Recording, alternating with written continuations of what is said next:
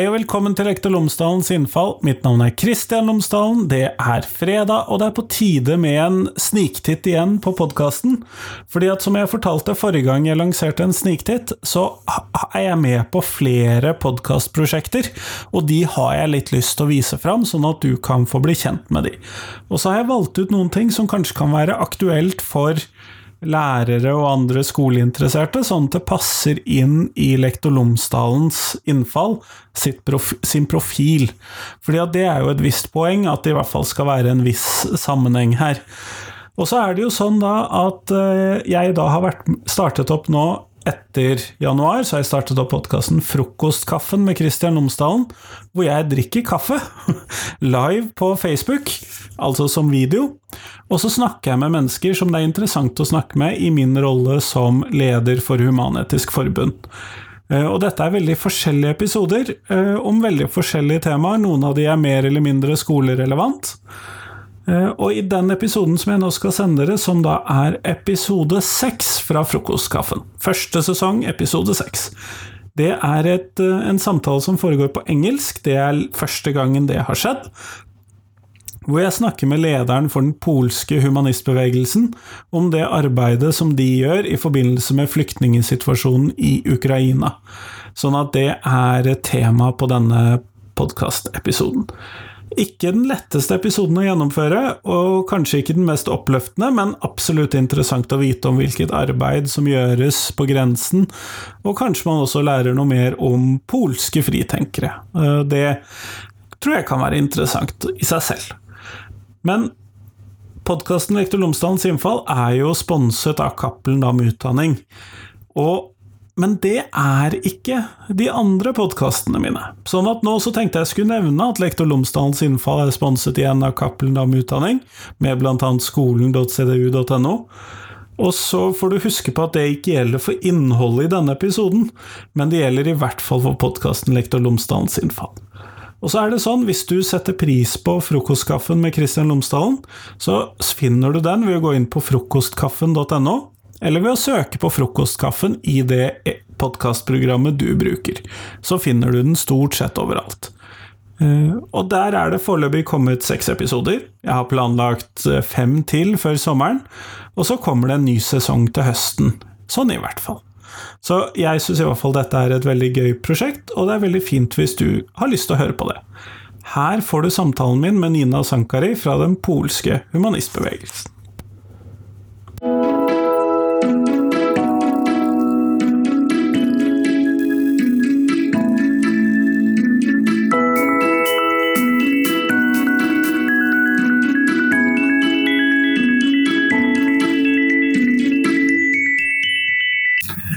Nina, we are online. Very nice to meet you and have you here for this uh, coffee session. Thank you. Oh, where is mine? I've forgotten it in the kitchen. I'm sorry. That is okay. Uh, could you please introduce yourself so that uh, viewers and listeners will know who you are? First of all, Thank you very much for this invitation. I'm really pleased and honored to be with you, with the members of NHA, uh, which we know, we've known for quite a long time now, and which helped us uh, more than once. So, really very happy to be with you this morning. My name is Nina Sankari. Um, the question where am I? Uh, it is a very difficult answer, but today I think I am as a representative of the uh, Kazimierz Łyszczyński Foundation, an NGO, a Polish NGO. Um, I am vice president of this organization.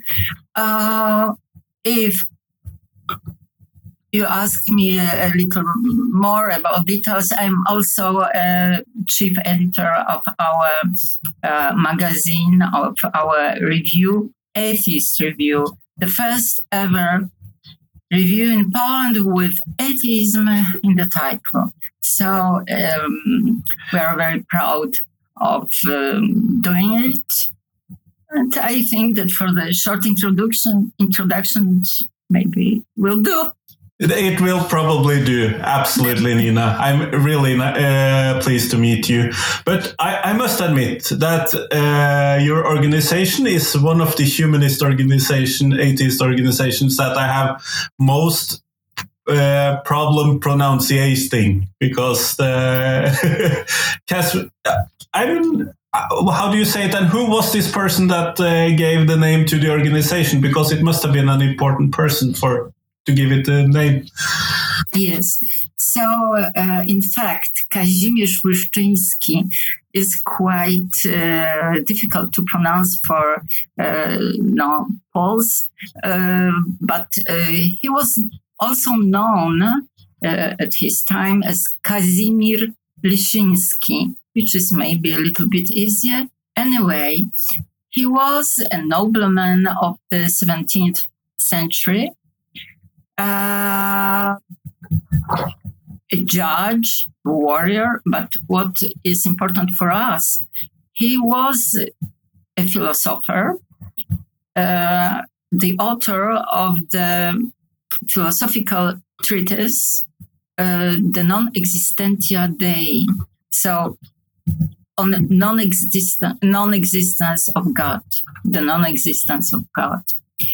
So he was accused, tried, tortured, and cruelly executed at the uh, market square in Warsaw of Warsaw in 1689. He was executed for atheism. So he is our patron. It is why we named our organization after him. And we consider ourselves his uh, his heirs, ideological heirs. Um, I think that it is uh, really a pity that he is completely unknown in the world. And one of our missions is to uh, promote him and his work um, in the world, not only in Poland. Uh, we've done already quite a big uh, job about it, but still, I think it is interesting to uh, know some of his ideas. Uh, I would uh, quote some, quote some of them. The main one was to say in the 17th century that um, the man, a man, human, uh, were not created by God, but just in contrary. Uh, God is a creation of man. And he said also something very interesting that uh, it is just the notion, the God is just the notion that exists purely in our brains he said it in his language of 17th century. The god is a chimera, chimera, just a, a, a, a subject that people invented. And in this sense, I think it is very uh, modern um, understanding because uh, it is uh, just in 20th century that we heard from the big, big, very well known atheists that uh, the God, the God of the Saint Scripture, is just like Zeus, uh, like other mythological uh, gods from the uh, antiquity. He said it already in 17th uh, century, and more, most even more, he added that God, the God was invented by people without God, by the powerful, with the aim of oppressing simple people. Sounds interesting today, I think.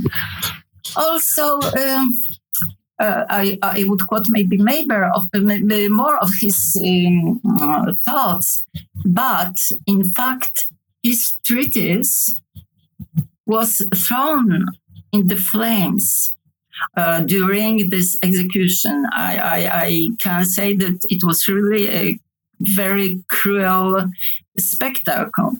His head, when such a monstrous idea that God does not exist was cut. Uh, his uh, hand, who wrote such enormity that God doesn't exist, was cut as well. And especially his tongue was cut off because it was a blasphemous tongue. And then also his treatise uh, was thrown in the flames. But we know some quite interesting and big experts from his work because the prosecutor included it in his uh, prosecution act. And uh, it was the evidence of his uh, atheism for which he was finally executed. And uh, that's uh, why we think that uh, it is time to render him historical justice and give him a place uh, among the very well known um, uh, um, philosophers, like, for example, Giordano Bruno or Cesare Vanini. Uh, and two, in, in aim, the aim of, promoting uh, his work, his name, uh, we are organizing every year these days. Of course, the, the goal is much uh, larger than that.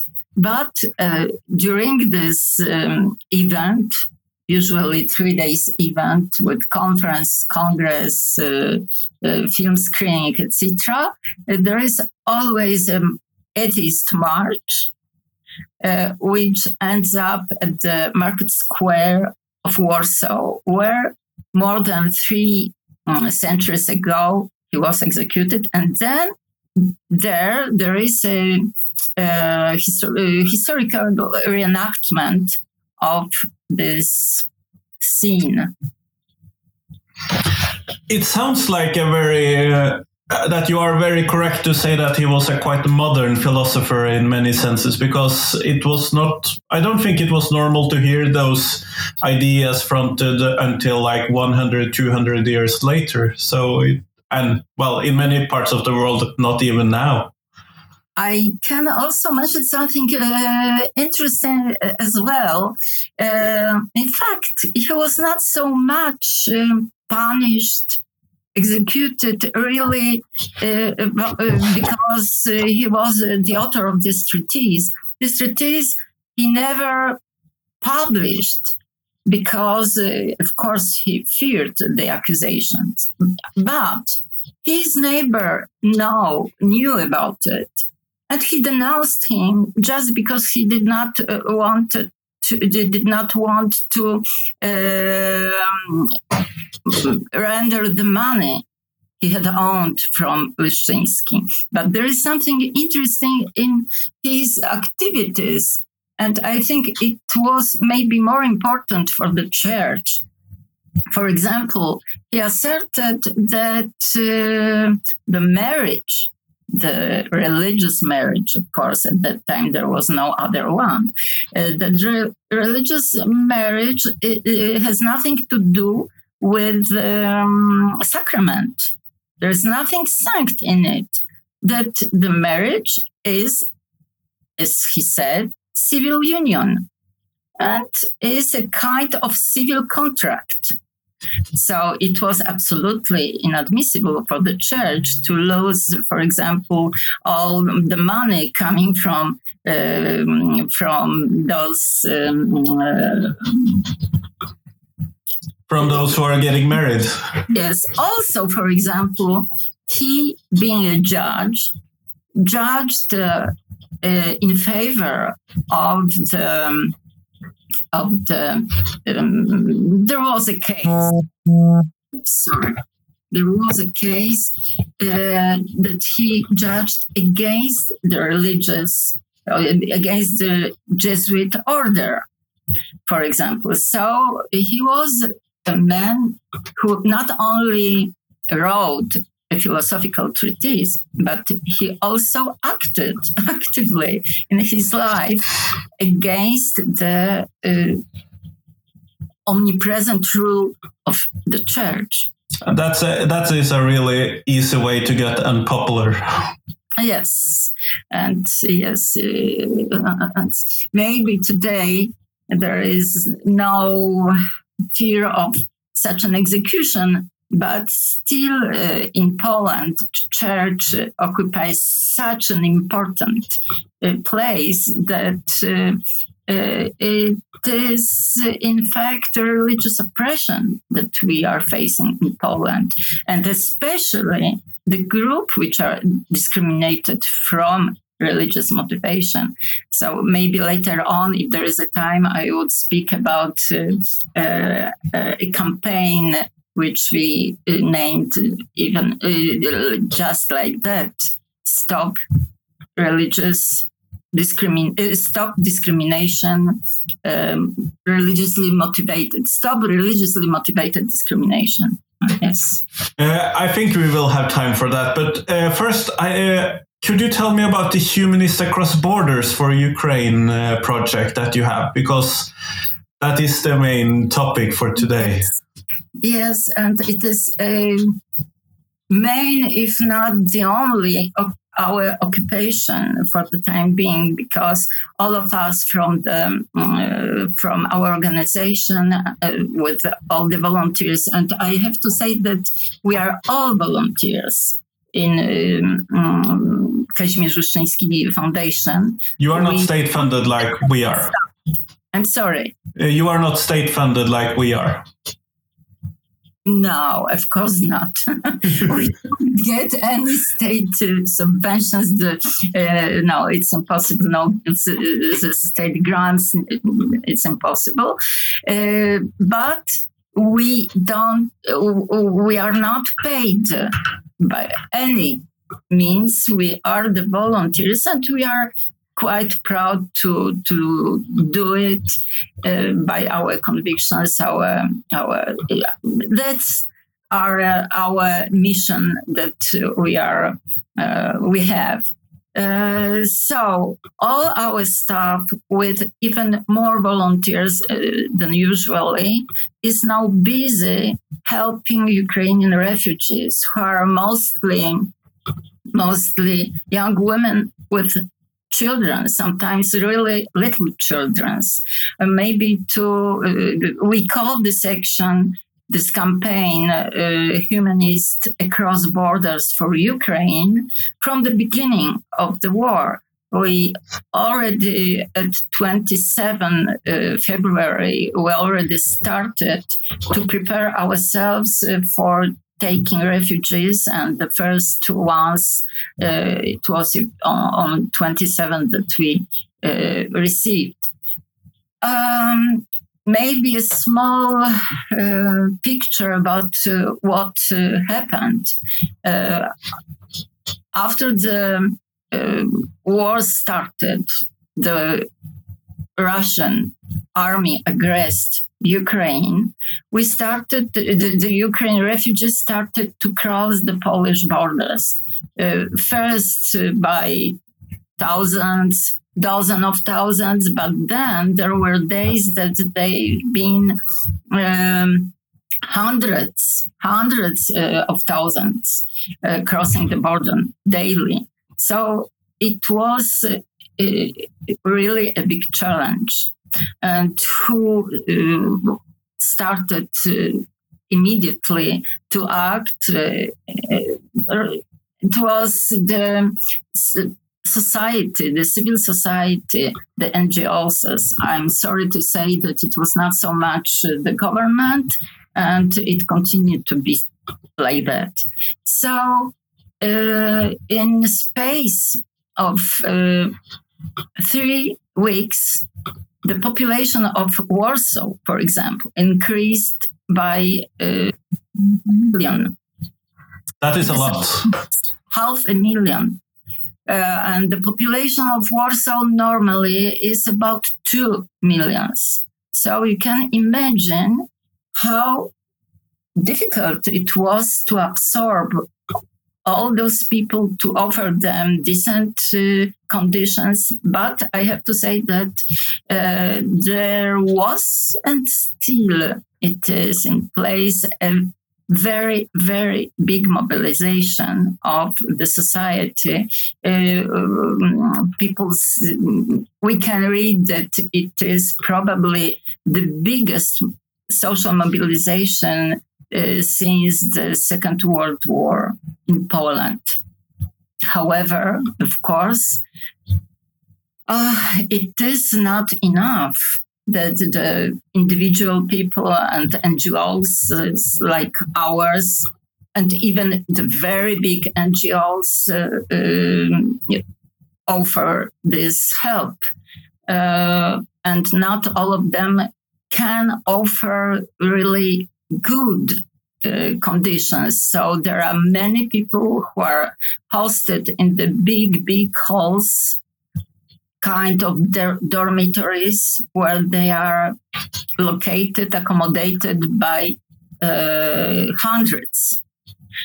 And we thought that even if we cannot cannot receive the thousands, we will try to do our best to offer at least our modest contribution to, to give this uh, to do this modest contribution to receive as much as we can but in good conditions.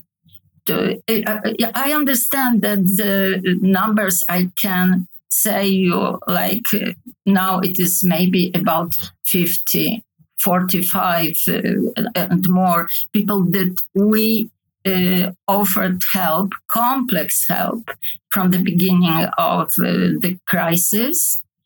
Uh, and currently, we have about 30 people under our complex help, but at least those these people uh, can stay in really decent, good condition with the children, with all their necessities, not only first necessities, but uh, all the elementary needs satisfied. Um, we started very modestly. Our our president Marek Łukasiewicz just left his apartment in the beginning and become the refugee elsewhere. anyway, he offered his apartment, and it started like that. But then we asked, uh, you know, we uh, made a call to the Humanist International, and we also uh, asked for help for other organizations. For example, Freedom from Religion Foundation from US and we started to receive money. One, not one. Uh, of course, we received, we are received, we've received, and we continue to receive a small donation from the individuals in Poland, but it would not be in no means uh, enough to uh, run such an action. So the f- very first organization which came and helped us uh, was exactly is exactly your organization, uh, Norwegian Humanist Association, and we are really very very thankful. There is a Polish saying um, that who uh, who helps quickly helps twice. And that's true because at the beginning it is really crucial to have some money to start. And we invested our own money, the money of our foundation, but it, it, it was not enough. And your help of NHA was really uh, very, very welcomed. It was in the very difficult uh, situation on the beginning, and it secured it secured our uh, first actions. For the time being, we have uh, already we have six apartments rented, where we have all those uh, refugees. As I said, mostly mostly uh, young women with small children. The smallest one, when came to us, was even not a month newborn. Even that is a very young baby. Yes, and it was uh, in 8 March that uh, uh this uh, baby um, got the first month. And also today we are expecting we are expecting to come to to join uh, the family who is already in Warsaw uh, in our apartment, one of our apartments. We are uh, expecting um, an old lady, a grandma, who would join uh, her daughter and her grandchildren who are already in Warsaw. It's uh, we are very happy to contribute to this work because it uh, sounds re really necessary in this uh, time. Yes, thank you again, and I, I will explain in the uh, maybe what we are doing because it is not only to accommodate uh, the people. Of course, we needed to, to prepare and we need uh, every time to prepare the apartment and to bring everything everything which is needed uh, the bedding the um,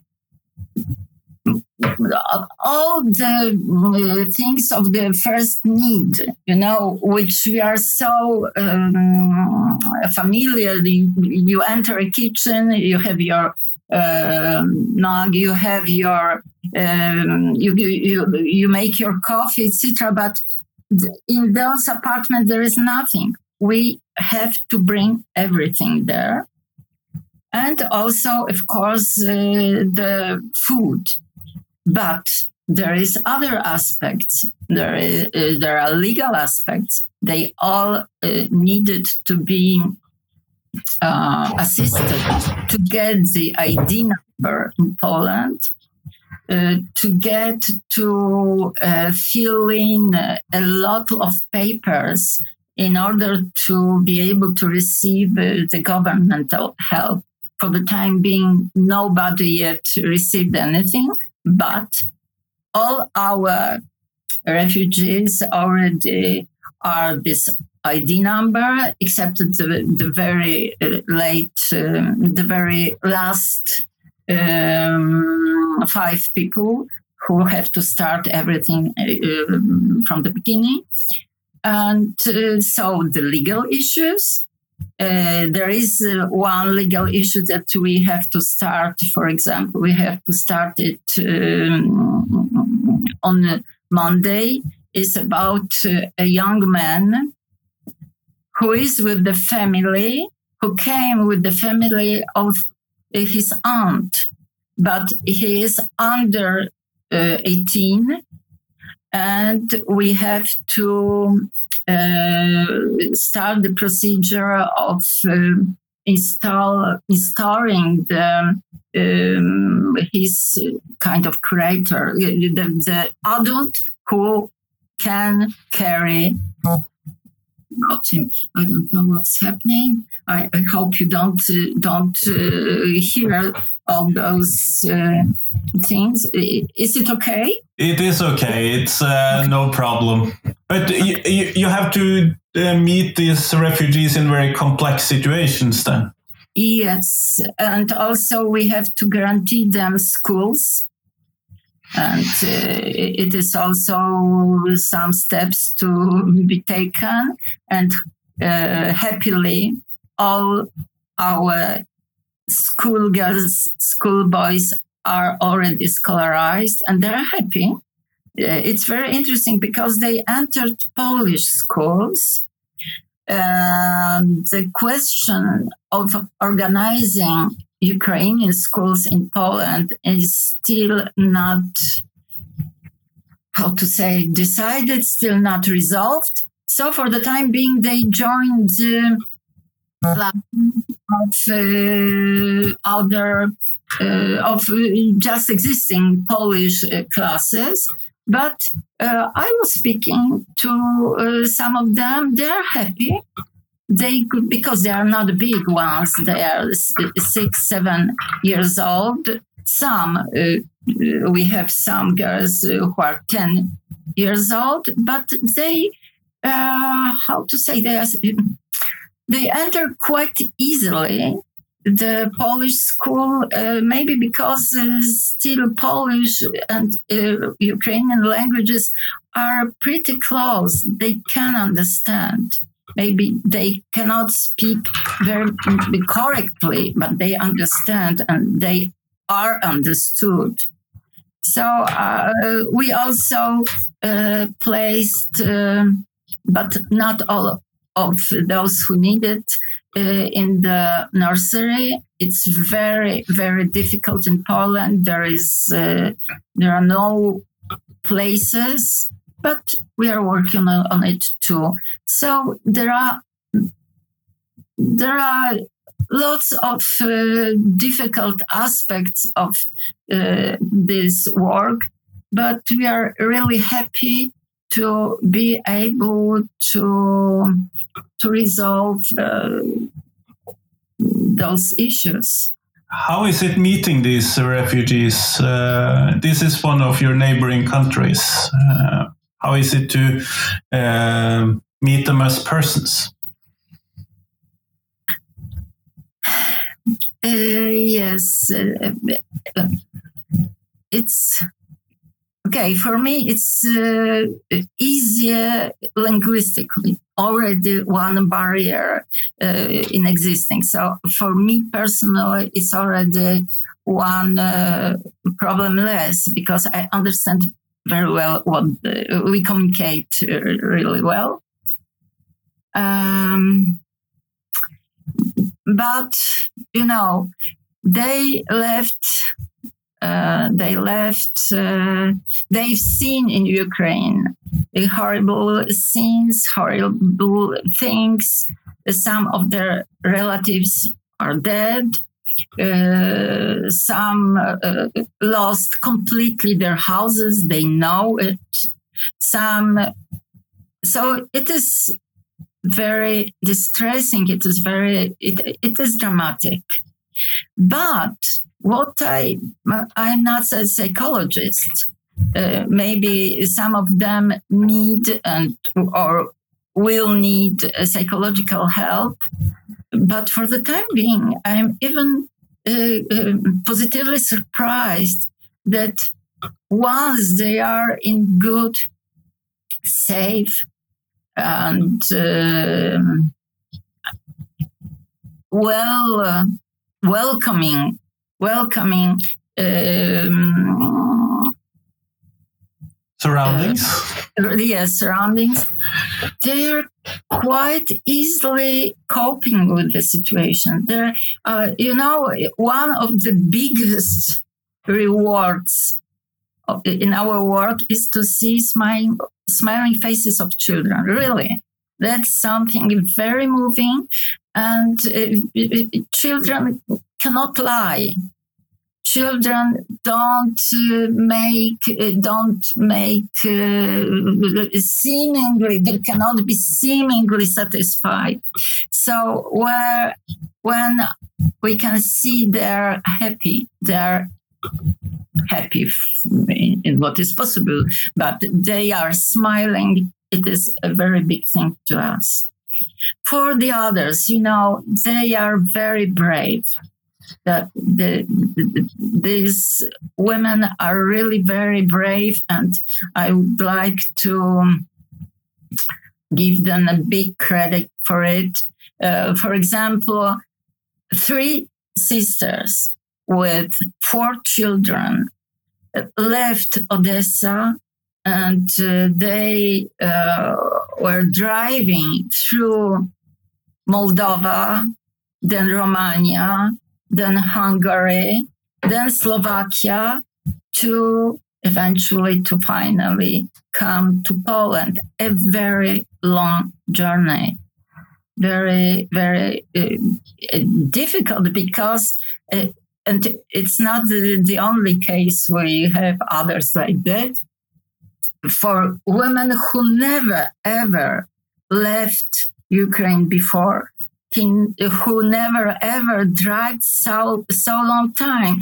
Usually, it was they were taking car to drive uh, children to schools to make shopping or something like that. And in this situation, they took this risk, they took this responsibility, and uh, and uh, made it. Uh, there are, I know there are cases uh, when the the adults smile to me, but I I see there they are sad, uh, and I know that sometimes in the evenings they are crying. But at least they are in safe conditions and they have people to talk to them. They have people to be by them and uh, to to welcome them. I think that that was what uh, was um, that was our main goal. Our main goal was it, it may be uh, sound uh, very bold, but our main goal was to not only to give them shelter, food, etc., but to give them back hope, give them back uh, trust in humanity, in human beings. That sounds like a very good uh, goal for this project. It really does. It sounds like humanism in practice. Yes, and uh, maybe one uh, remark uh, also that we never ask we never ask anybody about their faith, about their religion.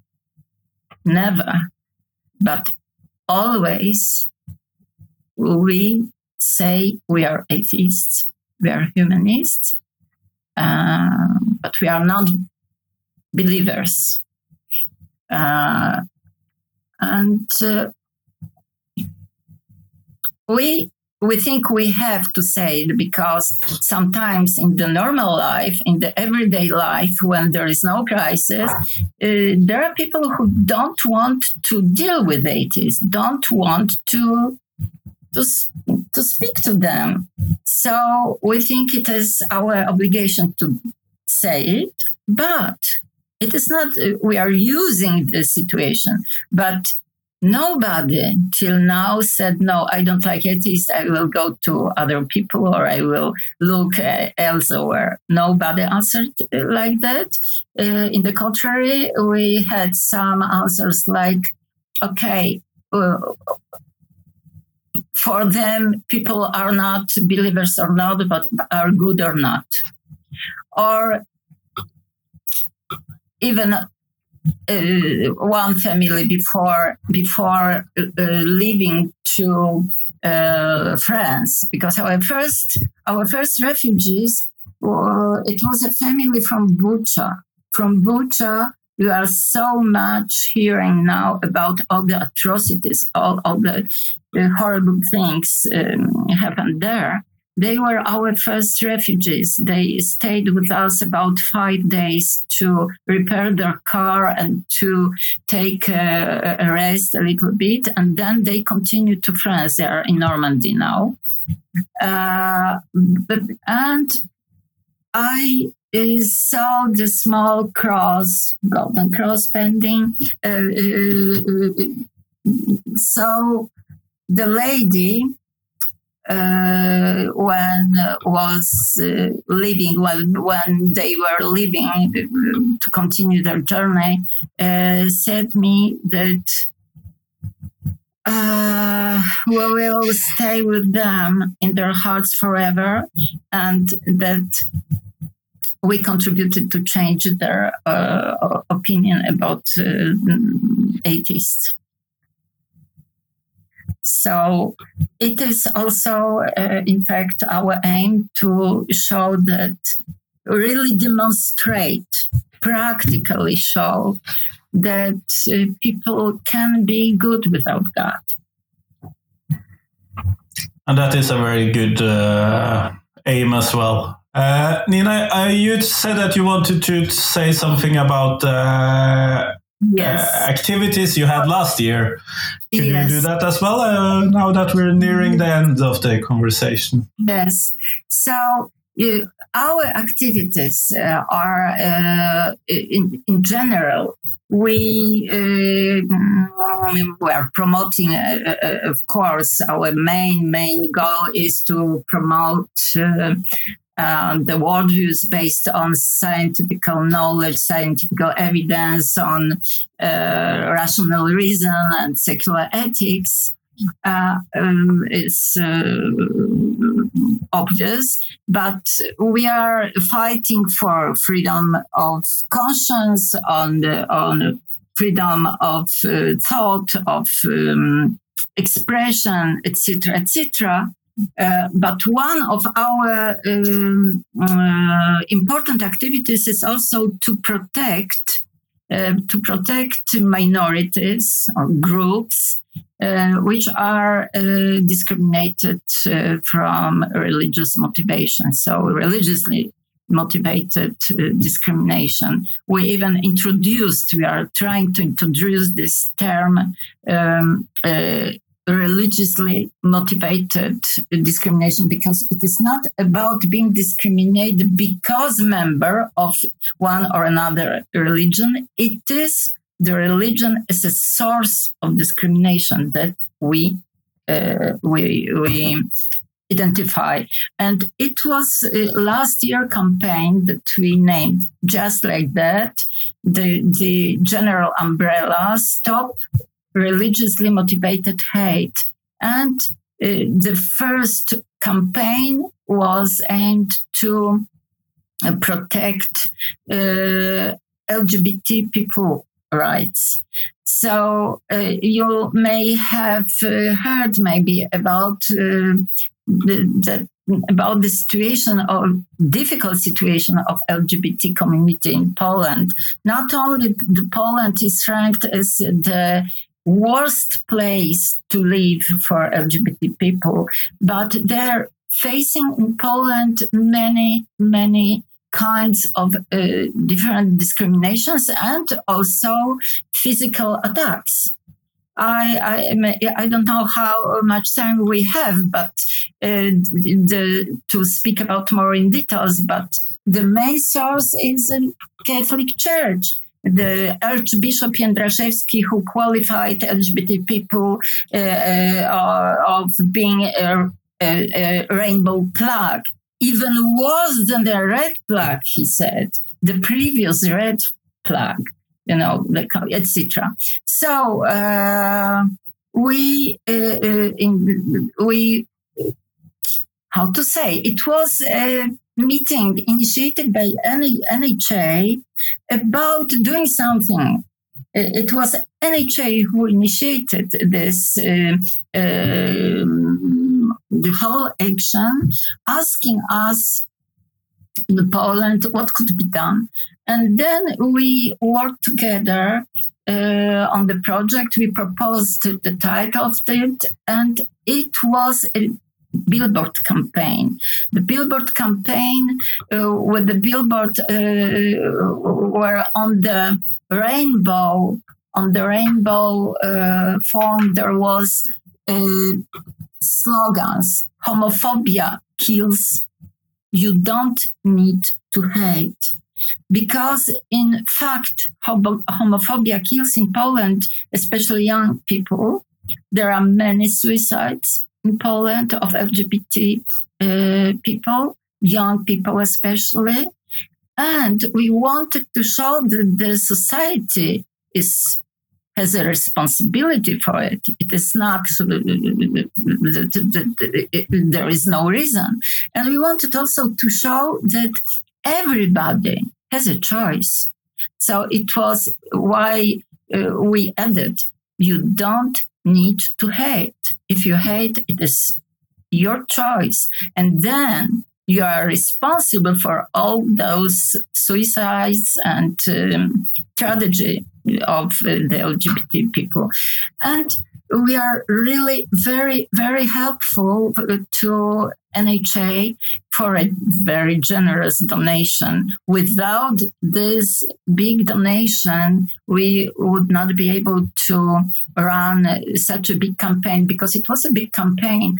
We we uh, installed big, big billboards. Really pretty billboards. they were really pretty, as far as I can remember.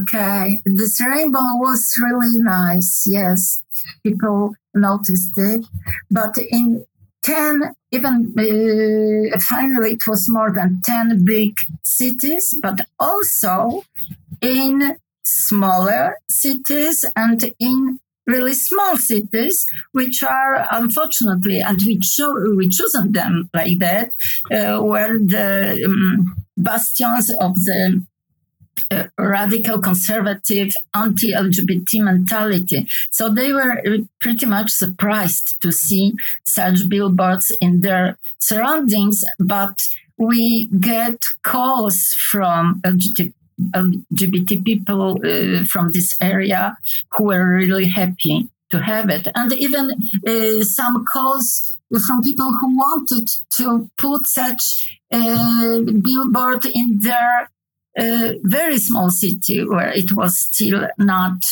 uh, done, but maybe uh, this year we will try to do it to enter really small localities. Uh, anyway, so it was big, medium sized, and small cities, uh, about 20 of them uh, at the end because uh, it's interesting to note that some of them we had to cancel because there were problems with, and the company was unable to show uh, such billboards uh, in two cases. We had also, uh, from the beginning, the modification of our projects because there were other projects uh, first, but with crosses or with uh, some religious symbols, and the company did not accept it. So we had to modify our uh, projects, and we also had digital digital. Um, billboards in uh, three uh, metro stations in Warsaw. So it was really big action. And what I have to say, uh, according to the statistics of the uh, company who um, was displaying these uh, billboards, they reached more than 3 million, about uh, uh, among 3 and 5 million things. You know, so I think we really, we really reached the goal. We reached a very big audience and I hope initiated some reflection on it. Uh, of course, we got not only positive reaction, however, uh, there were there were a lot of them. Got some bad reactions too. Uh, actually, we've been threatened uh, by phone or. Um, some billboards uh, were vandalized. Not a lot of them. It, it were isolated cases, four in, in instance, four cases that billboards were vandalized, even peed off. I'm sorry. But in general, in summary, I think it was a very, very good action. And again, big, big thank you for NHA. Uh, th- thank you for letting us uh, help you with this because it was, uh, uh from what I can see on, from humanists in Norway, it was a very popular campaign uh, on our part. We were very happy to contribute with this. Oh, well, as usually, as we are a small bunch of people, we don't have time very often we don't have time to do anything more than the core activity. So then we don't check, we don't promote like uh, it. Uh, maybe it would be better to to make uh, this work of promotion of marketing better. But for the time being we are so concentrated on the core activities that even we we don't succeed on them. So we are really very happy that in norway it was a well uh, known action really we're happy uh, thank you, Nina, really, and thank you for being here with uh, me today. And it was a very, it was moving, but and difficult, but it was really nice hearing you talk about the project you are doing now in Poland. Thank you, Kristian. Thank you very much for giving me, giving us via me this opportunity to share with you uh, what we are doing, what uh, we are trying to do, uh, also with your assistance.